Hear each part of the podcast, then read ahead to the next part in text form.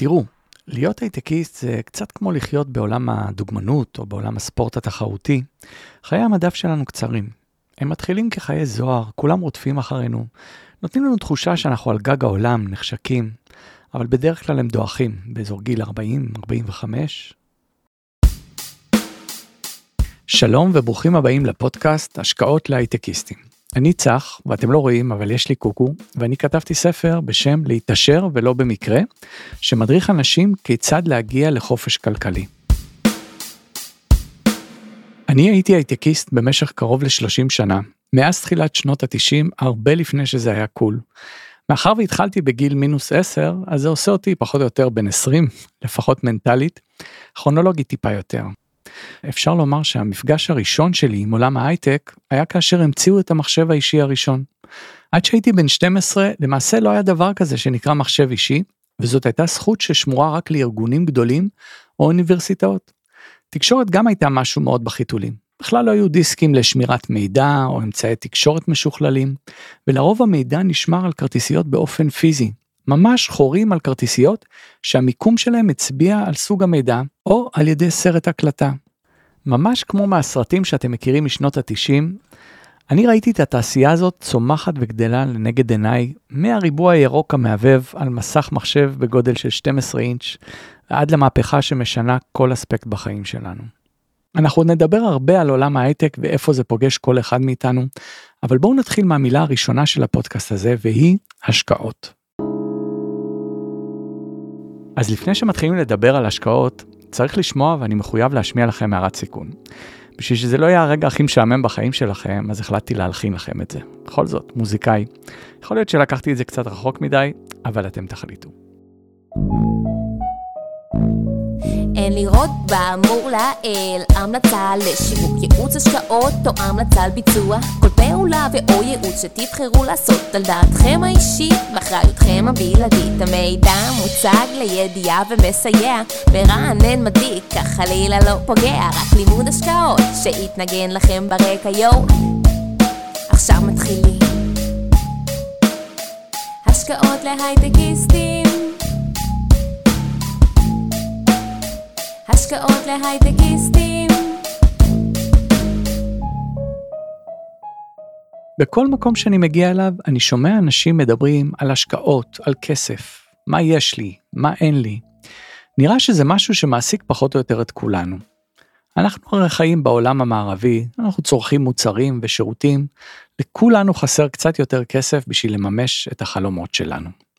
אז מהו אותו חלום? לאן כולם ממהרים ומה בדיוק היעד שהם שואפים אליו.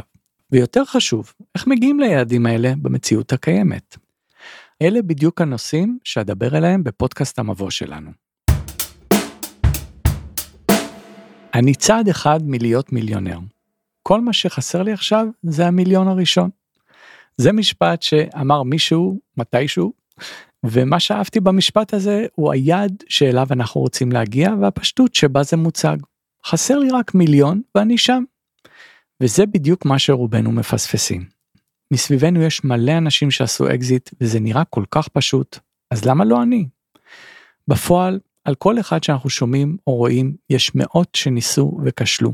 כך שלמעשה, היעד, גם אם הוא נראה קרוב מתמיד, לא כזה פשוט להשגה. תראו, כולנו שואפים לרווחה כלכלית. חלקנו רוצים לצאת ממעגל ההישרדות היומיומי, חלקנו מעוניינים להיות בעלי ממון רב, להוכיח לעצמנו ולכולם שעשינו את זה. יש אנשים שהם פשוט עסוקים ביום יום ואין להם זמן להתעסק בעתיד הכלכלי שלהם, או לא מבינים ונרתעים מההתעסקות הנדרשת. חלקנו למרות שרוצה להתקדם מרגיש חסר אונים מול הוצאות המחיה הגבוהות, חוסר ההבנה בתחום וחוסר האמונה בעצמנו. רובנו השלמנו עם העובדה שככל הנראה לא נצליח להגיע לעצמאות כלכלית, ושזה אומר למשל להפסיק לעבוד, אה, לקנות את בית החלומות שרצינו בלי פשרות, שהסיכוי לבלות ולחיות כמו שצריך הוא די אבוד. אז מה אנחנו עושים? אנחנו מוציאים את כל מה שיש לנו כדי לנחם את עצמנו על מה שכנראה לעולם לא נשיג. אנחנו חיים את הרגע. מאחורי תפיסת החיים הזאתי עומדת תנועה או התעוררות מחשבתית בשם יולו, לכל הבומרים שלא מכירים את המושג הזה, זה בעצם ראשי תיבות של you only live once, והרעיון הוא שבעצם אנחנו נוציא את כל מה שיש לנו אה, בשביל לחיות היום, כי מי יודע מה יהיה מחר. הבעיה עם התפיסה הזאת היא שאנחנו נשארים באותו מקום בדיוק מבחינה כלכלית. אנחנו חיים טוב יותר, אבל הלחץ, הדאגה להמשיך ולעבוד ולממן את כל הרצונות שלנו, די פוגמים בתחושת החופש והרוגע שרובנו שואפים להשיג. והבעיה היא שמתישהו לא תהיה לנו את העבודה החלומית שאנחנו עובדים בה כרגע. כן, אנחנו הייטקיסטים, מרוויחים טוב, כולם רודפים אחרינו, אבל מאוד יכול להיות שעוד כמה שנים הדברים ישתנו, ואנחנו לא נהיה על גג העולם כמו שהיינו. אולי יוציאו אותנו לחל"ת בגלל איזה מגפה עלומה שנחתה עלינו בשידור ישיר מסין. אולי תגיע טכנולוגיה חדשה שתוציא אותנו מהשוק, או לכל הפחות תכריח אותנו להתפשר על שכר נמוך יותר. מה יקרה אז? אנחנו לא חושבים באמת על הטווח הארוך, אלא באמת מרוכזים במה שיש כרגע. תנו לי לתת לכם ניוז פלאש. העתיד מגיע. בין אם תרצו או לא, ואם אתם לא נמצאים ברווחה כלכלית עכשיו, או הולך לכם אחלה ובאמת הכל סבבה, מגניב, סביר להניח שתצטרכו לרדת ברמת החיים בהמשך. זה ברגע שלא תעמדו יותר בדרישות של מרוץ העכברים בו אתם נמצאים כרגע. אתם נמצאים בסוג של כלוב מזהב, אה, ובפודקאסט הזה אנחנו נדבר קצת על איך יוצאים מהכלוב הזה.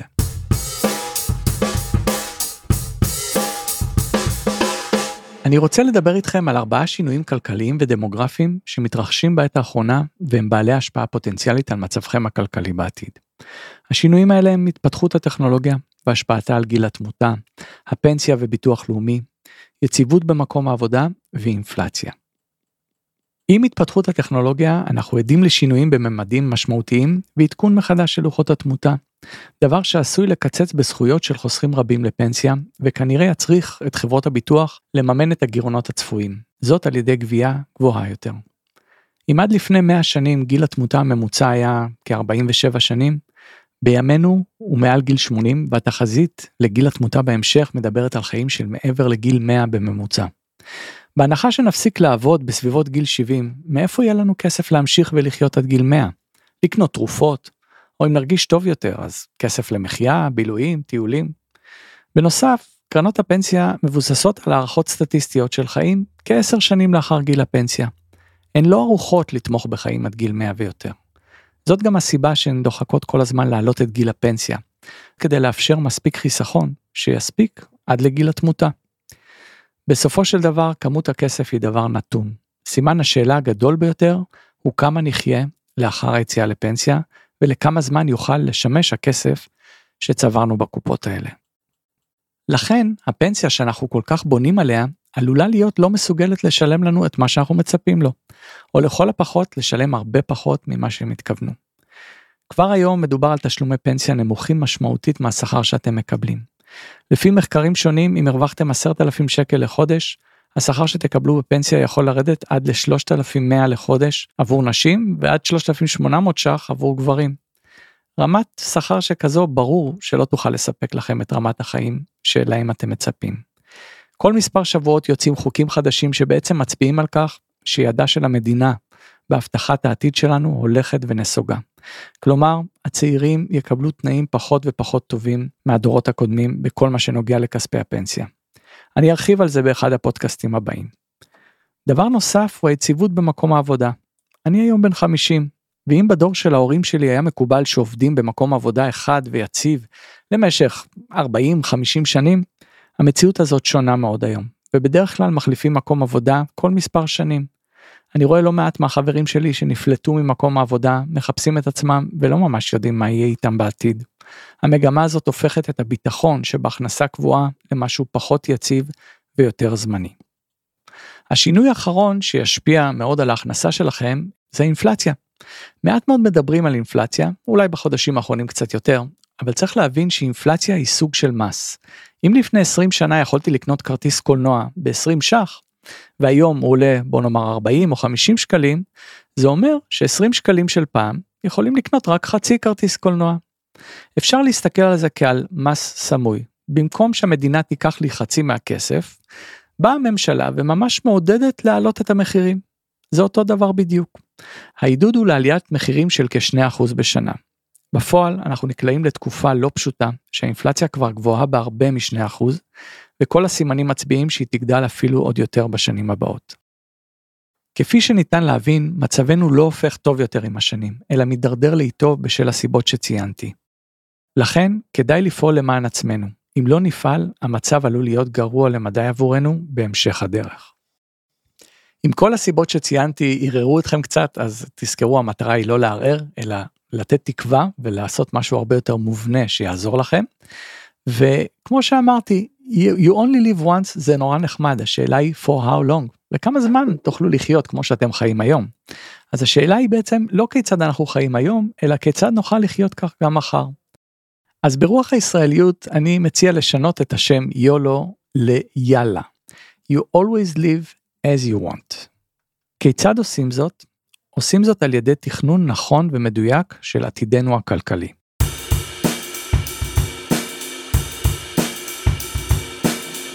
סלחו לי, אני הולך לדבר קצת על עצמי, כי הבנתי שזה מה שעושים בפודקאסטים. אז יצאתי לחופש כלכלי לפני כחמש שנים, למען האמת זה התחיל הרבה לפני, אבל באופן הדרגתי. והאמת מושג חופש כלכלי הוא קצת מעורפל, אז בגדול זה אומר שאני עושה פחות או יותר מה שבא לי, עובד במה שבא לי וכמה שאני מחליט. וכתבתי ספר בנושא של עצמאות פיננסית, שדרך הסיפור האישי שלי ותובנות חשובות שאספתי לאורך הדרך, אה, מדבר על איך בעצם להגיע לחופש כלכלי. הוא מספק למעשה מפת דרכים איך לעשות את זה, במקביל לחיים השוטפים. הרבה אנשים עשו אקזיט, ברחו מהמקום עבודה שלהם ויצאו לדרך חדשה. אני מדבר על איך לעשות את זה מבלי לעשות שינויים דרמטיים. בתחילת הדרך הייתי תלמיד עם בעיות של קשב וריכוז, אז עוד לא כל כך ידעו איך לאבחן את זה, אה, וממש כשהתחלתי הייתי מלא תקווה ו- ו- ושמחה, הנה מגיע לבית ספר, אני אוציא עשיריות. בפועל מצאתי את עצמי נרדם בכל השיעורים אחד אחרי השני, ולא ממש ידעתי איך עושים את זה. תראו, הייתי בסביבה שעודדה לימודים בבית ספר, לימוד לתואר, ואז לעבוד עד הפנסיה במקום עבודה יציב. אני בכלל לא הייתי בטוח אם זה מתאים לי בתור ילד. אבל סיימתי אפילו בהצטיינות והגעתי להייטק לא לא כי למדתי את זה בצורה מסודרת אה, די למדתי את זה בעצמי בבית אבל בזמנו זה היה משהו שהוא היה יותר אה, אפשרי מהיום בוא נאמר. אחד הדברים הראשונים שקרו כשהגעתי למקום העבודה הראשון בהייטק זה שהחלפתי עובד בן 53. לעובד לא היה סיכוי מולי. הנה אני צעיר, מלא מרץ, מוכן לעבוד בזול, מכיר את כל הטכנולוגיות החדשות, והוא נשוי, צריך לצאת מוקדם הביתה, לא משופשף ולא התקדם עם השינויים הטכנולוגיים האדירים ששטפו את העולם בזמנו. הבנתי שמתישהו אני אהיה בן 53 ואני אהיה בדיוק באותו מקום. מי יחליף אותי כשאני אהיה בן 53? הסתכלתי גם מסביב, כל חבריי להייטק, לאן הם מגיעים בגיל הפנסיה, איזה קבלות הם מציגים. כן, יש להם בית נחמד, רכב יפה, מטיילים פעם בשנה, אבל מה יש להם מעבר? מה הם השיגו בחיים? מה קורה להם אם הם מפוטרים פתאום? ראיתי הרבה משפחות שיורדות ממש לרמה של עוני, או לכל הפחות מפסידות את כל עמל חייהם, בגלל אירוע של פיטורין, או חס וחלילה מחלה, או כפי שקרה בשנתיים האחרונות בקורונה. אין שום כרית ביטחון, ואני לא רציתי להיות במקום הזה. להייטקיסטים הצעירים שביניכם, אני מודע לכל המלחמות על הטאלנטים ועל החבילות השכר השמנות שמציעים, זה ממש כיף, אבל תדעו לכם שלא ככה רואים את זה המבוגרים יותר. מי שבין 40 ו-50 מוצא את עצמו אה, נפלט ממקומות העבודה האלה, ולמרות החיפוש, אני לא רואה את המבוגרים מוצאים מקומות עבודה בכזאת קלות. דבר נוסף ששמתי לב אליו זה שככל שאני יושב יותר ויותר בתוך הקיוביק שלי ומפתח להנאתי או פחות להנאתי, אני יותר חולם חלומות כאלה של אי בודד שאני יושב עליו ויושב ושותה את השייקים שלי, או אה, מחשבות על נגינה בגיטרה או בקלידים או בתופים, כל הדברים שכל כך אהבתי לעשות, אבל משום מה לא היה לי זמן להגיע אליהם. מצאתי את עצמי כל הזמן חולם על דברים אחרים ומתייחס למקצוע שלי כאל משהו זמני. אז איך עושים את זה? אני טוב במקצוע שלי, אבל לא בצורה בלתי רגילה. אני לא יודע לפתוח עסקים ואין לי ממי ללמוד. ההורים שלי היו שכירים. אין לי כישורים ניהוליים ולא בטוח שאני גם יוכל להתקדם בכזאת קלות במסלול הדרגות. וגם לא הייתה לי הבנה בשוק ההון או בהשקעות בכלל. הדבר הכי חשוב הוא שלא יכולתי להרשות לעצמי לעזוב את מקום העבודה לטובת חלום שלא ברור אם אני אוכל להגשים אותו. אז חיפשתי שיטה, כזאת שתהיה בטוחה באופן יחסי, ושהשליטה בה תהיה בידיים שלי. למה הכוונה בידיים שלי? תראו, בגדול, כל השיטות שמלמדים היום, אנשים בסדנאות כאלה ואחרות מחייבות אתכם ללמוד להתמקצע בחומר הנלמד. למשל, לדעת איך לסנן מניות, לדעת איך לעשות פליפים בנדל"ן. אני חושב שזה נהדר אם אפשר ללמוד ולהתמקצע באמת באחד התחומים האלה. אבל לי היה חשוב שכל מי שמעוניין לשפר את מצבו הכלכלי, יוכל לעשות את זה בלי קשר אם הוא למד והתמקצע, או שלא היה לו את הזמן לזה. כך, אם נמצא שיטה שבה ניתן להתעשר בלי לימודים מורכבים, בלי סיכונים מיותרים, ותוך כדי שאתם ממשיכים לחיות את החיים שלכם כרגיל, אז הרווחנו בגדול. וזה בדיוק מה שאני מתכוון ללמד אתכם, מדובר בתפיסה אחרת לגמרי ממה שאתם רגילים לשמוע בפרסומות ובמקומות אחרים. שיטה שהוציאה אותי לחופש כלכלי כמעט ללא מאמץ. במשך 20 שנים בניתי את עצמי צעד אחר צעד, לאט ובבטחה. חסכתי כסף באופן שיטתי והגדלתי את ההון משנה לשנה, וכך גם את רמת החיים שלי. השקעתי את הכסף באופן חכם לקיצור הזמן להגעה לחופש כלכלי. תראו, הרבה אנשים מדמיינים צמיחה כמשהו מאוד מהיר. התחלתי בגיל 31 ובגיל 32 כבר יצאתי לחופש כלכלי. חבר'ה, זה לא בדיוק עובד ככה. אנחנו נדבר בפודקאסטים על הרבה מאוד נושאים של השקעות. אחד הדברים שבעיניי הוא מאוד מאוד חשוב ללמוד ולהבין אותו זה כל נושא הריבית דריבית.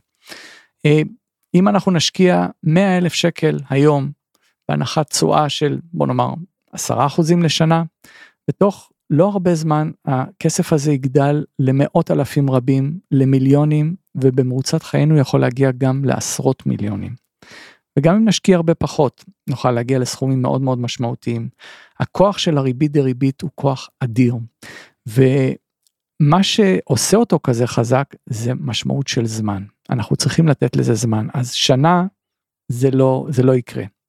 מצד שני, הרבה אנשים אומרים, וואו, אז זה הולך לקחת עכשיו 10-15 שנה, אז מה, אני עכשיו 15 שנה אתקלב ממש ובקושי יחיה, ואז פתאום יגיע אושר גדול? אז גם זה לא מדויק. אתם יכולים להעלות את רמת החיים שלכם משנה לשנה, אתם לא באמת צריכים לחכות 10 או 15 שנים בשביל להגיע ליעד הזה. עבורי, במשך 20 השנים האלה היו הרבה נקודות בדרך שפרגנתי לעצמי, טיולים של חודשים רבים במזרח, באירופה, בכל מיני מקומות. הפקתי דיסק באורך מלא, מימשתי את החלום שלי ללמוד מוזיקה בבית ספר גבוה ברימון במשך קרוב לשנתיים. כתבתי ספר, אני עושה את הפודקאסטים האלה, אני כל הזמן מכניס בתוך החיים שלי חוויות כאלה של אושר, אה, ואני בכלל לא ראיתי את זה כמשהו שהוא אה, חד פעמי או שצריך לחכות לו. תחילת הדרך לא הייתה פשוטה, כי לא ידעתי מאיפה להתחיל. מאוחר יותר הכל הפך קל יותר כאשר הבנתי מה נדרש. אז תנו לי לעשות לכם קיצור דרך ולדבר איתכם על איך מתחילים.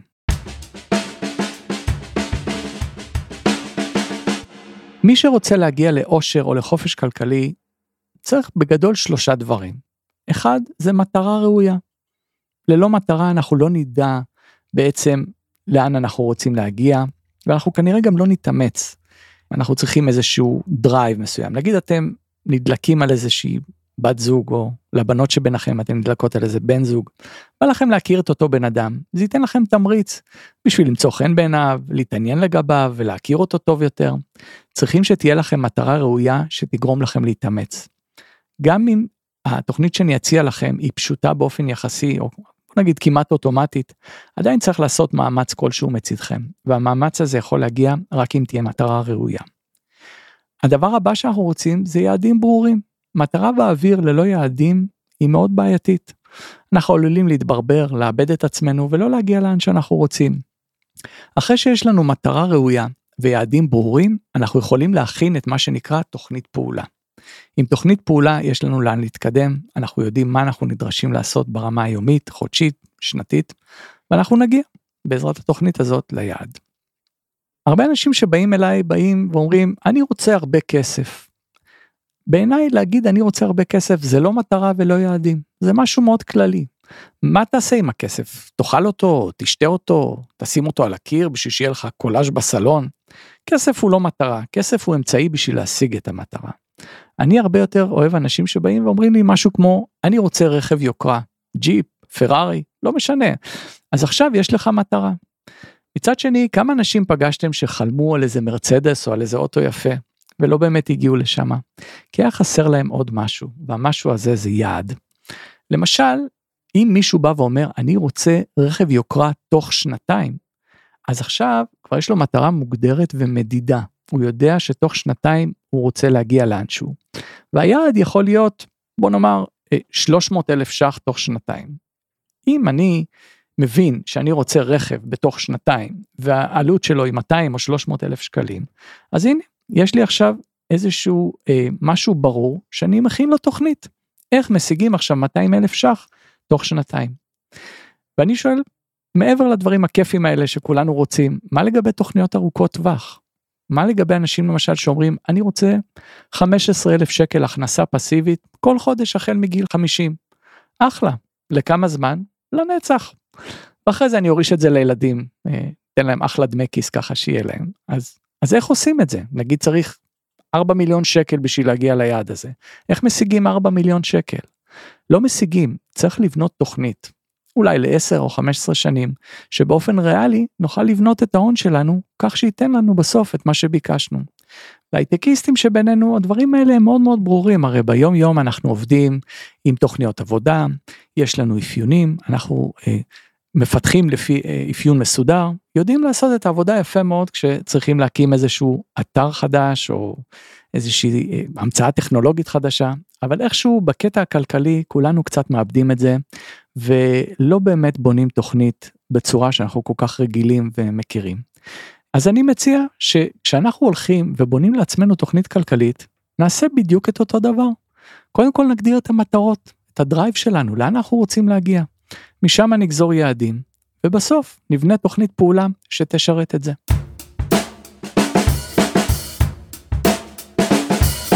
אז מה נלמד בפודקאסטים הבאים? אנחנו נדבר על החשיבות שבדאגה לעתידנו הכלכלי. נדאג לזקק את הגדרת המטרות והיעדים בחיים שלכם. נדבר על מודל ההכנסות וההוצאות, נבחן אותו בפועל ונוודא שאנחנו במסלול שמוביל לאושר ולא לעוני. נדבר על חיסכון, באופן שונה מאוד ממה שאתם רגילים לחשוב כשמדברים על חיסכון. הרוב חושבים שמדובר בהתקלבות וצמצום. אני מקווה שאני אוכל להפריך את הדעה הזאת ולהראות לכם כמה עוצמה יש במילה הזו וכמה אפשר לעשות את זה מבלי להתקלב. אם כבר להפך, זה יהפוך אתכם לחזקים יותר ועמידים יותר. תגידו למישהו שהוא צריך לוותר על שוקולד, הוא ישר ייכנס לדיכאון. תלמדו אותו על תזונה בריאה יותר, באופן טבעי הוא יפחית בצריכת השוקולד וירגיש חזק ובריא מאי פעם. אנחנו נרחיב על זה בהמשך. נדבר גם על בניית תוכנית הפעולה, בדומה מאוד למה שהראיתי כאן, אבל נקדיש לזה פודקאסט שלם. נדבר על האפשרויות השונות לניהול השקעות, על אפיקי ההשקעה שרובכם מכירים כמו מניות, אגרות חוב וכדומה. נעשה סדר כדי שתבינו טוב יותר את האפיקים האלו. נדבר גם על אפיקי השקעה אלטרנטיביים כמו נדל"ן, מתי לקנות דירה, מתי למכור, האם כדאי לקנות בכלל, איפה. מאחר וזה תחום המומחיות שלי אז אנחנו כמובן נרחיב על זה קצת יותר. נדבר על זהב, קריפטו ועוד אפיקים שקרוב לוודאי שלא שמעתם עליהם מעולם. זה עולם מרתק עם אין סוף אפשרויות השקעה. אני אדבר גם לא מעט על אסטרטגיות השקעה, כיצד העשירים באמת משקיעים, כיצד גופי השקעה הגדולים עובדים. רמז שונה מאוד ממה שהמשקיע הממוצע עושה. ורמז נוסף, הם כמעט תמיד עושים יותר כסף מכם. הסיבה, לא בגלל שהם חכמים גדולים, הם פשוט משתמשים באסטרטגיות השקעה עם תפיסה אחרת לגמרי ממה שמלמדים בבתי הספר להשקעות. אסטרטגיות שמוכיחות את עצמן כבר עשרות שנים. אנחנו נעמיק בזה. אני רוצה לפני שאתם מקשיבים לפודקאסט הבא, לנסות לחשוב מה המטרה שלכם, או המטרות שלכם בחיים. תעשו את זה תמציתי, איזה שינוי עצמאות כלכלית תביא לכם. מה יעשה אתכם אנשים מאושרים? לשלוח את הילדים לבית ספר בחו"ל, אולי לתת לילדים הון ראשוני לרכישת בית, לחיות ברווחה כלכלית עבורכם. צריך משהו חזק שייתן לכם drive ורצון להגיע לשם. ודבר שני, פעם הבאה שאתם רוכשים משהו, בין אם זה אפילו קפה קטן וקרואסון או איזה זוג נעליים באסוס, מדוע אתם רוכשים אותו? האם זה משהו שאתם חייבים? האם זה כדי לגרום לכם להרגיש טוב, לצ'פר את עצמכם, להשיג סטטוס? אני לא אומר לכם לא לרכוש, אני רק אומר, תנסו להבין למה, למה זה קורה, תכניסו את זה למודע. כי ככל שנרבה לרכוש דברים שלא באמת נחוצים לנו, אנחנו לא באמת נשפר את רמת החיים, אלא להפך, אנחנו נרחיק את עצמנו מהמטרות שרשמתם לכם.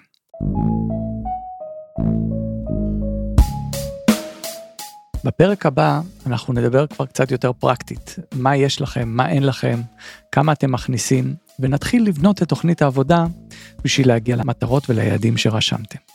אם אהבתם את הפרק הזה, כדי להישאר מעודכנים, אני מזכיר לכם ללחוץ על פולו באפליקציית הפודקאסטים שלכם, בין אם זה ספוטיפיי, אפל פודקאסט וכולי. אתם מוזמנים להצטרף כמובן לעוד אנשים שעוברים את התהליך הזה ביחד בקבוצת הפייסבוק שלנו, שנקראת לצאת מכלוב הזהב, השקעות להייטקיסטים. ואם אתם חושבים שהפרק הזה יהיה רלוונטי למישהו שאתם מכירים, אז תשלחו לו. תעזרו לנו להגיע לקהלים נוספים, ותאספו את החברים שסביבכם, שאתם רוצים שיעזרו לכם לעבור את התהליך הזה יחד. אני מזכיר לכם שאני חלק מרשת הפודקאסטים המובילה בישראל בתחום הפיננסים וההשקעות, רשת אינבסטור 360, שבה תוכלו להאזין גם לתכנים נוספים בנושא השקעות. תודה רבה לדור קומט על הסוואג ולאורי טולדנו על החידודים. אני צח איציק, תודה על ההאזנה ולהשתמע בפרקים הבאים. השקעות להייטקיסטים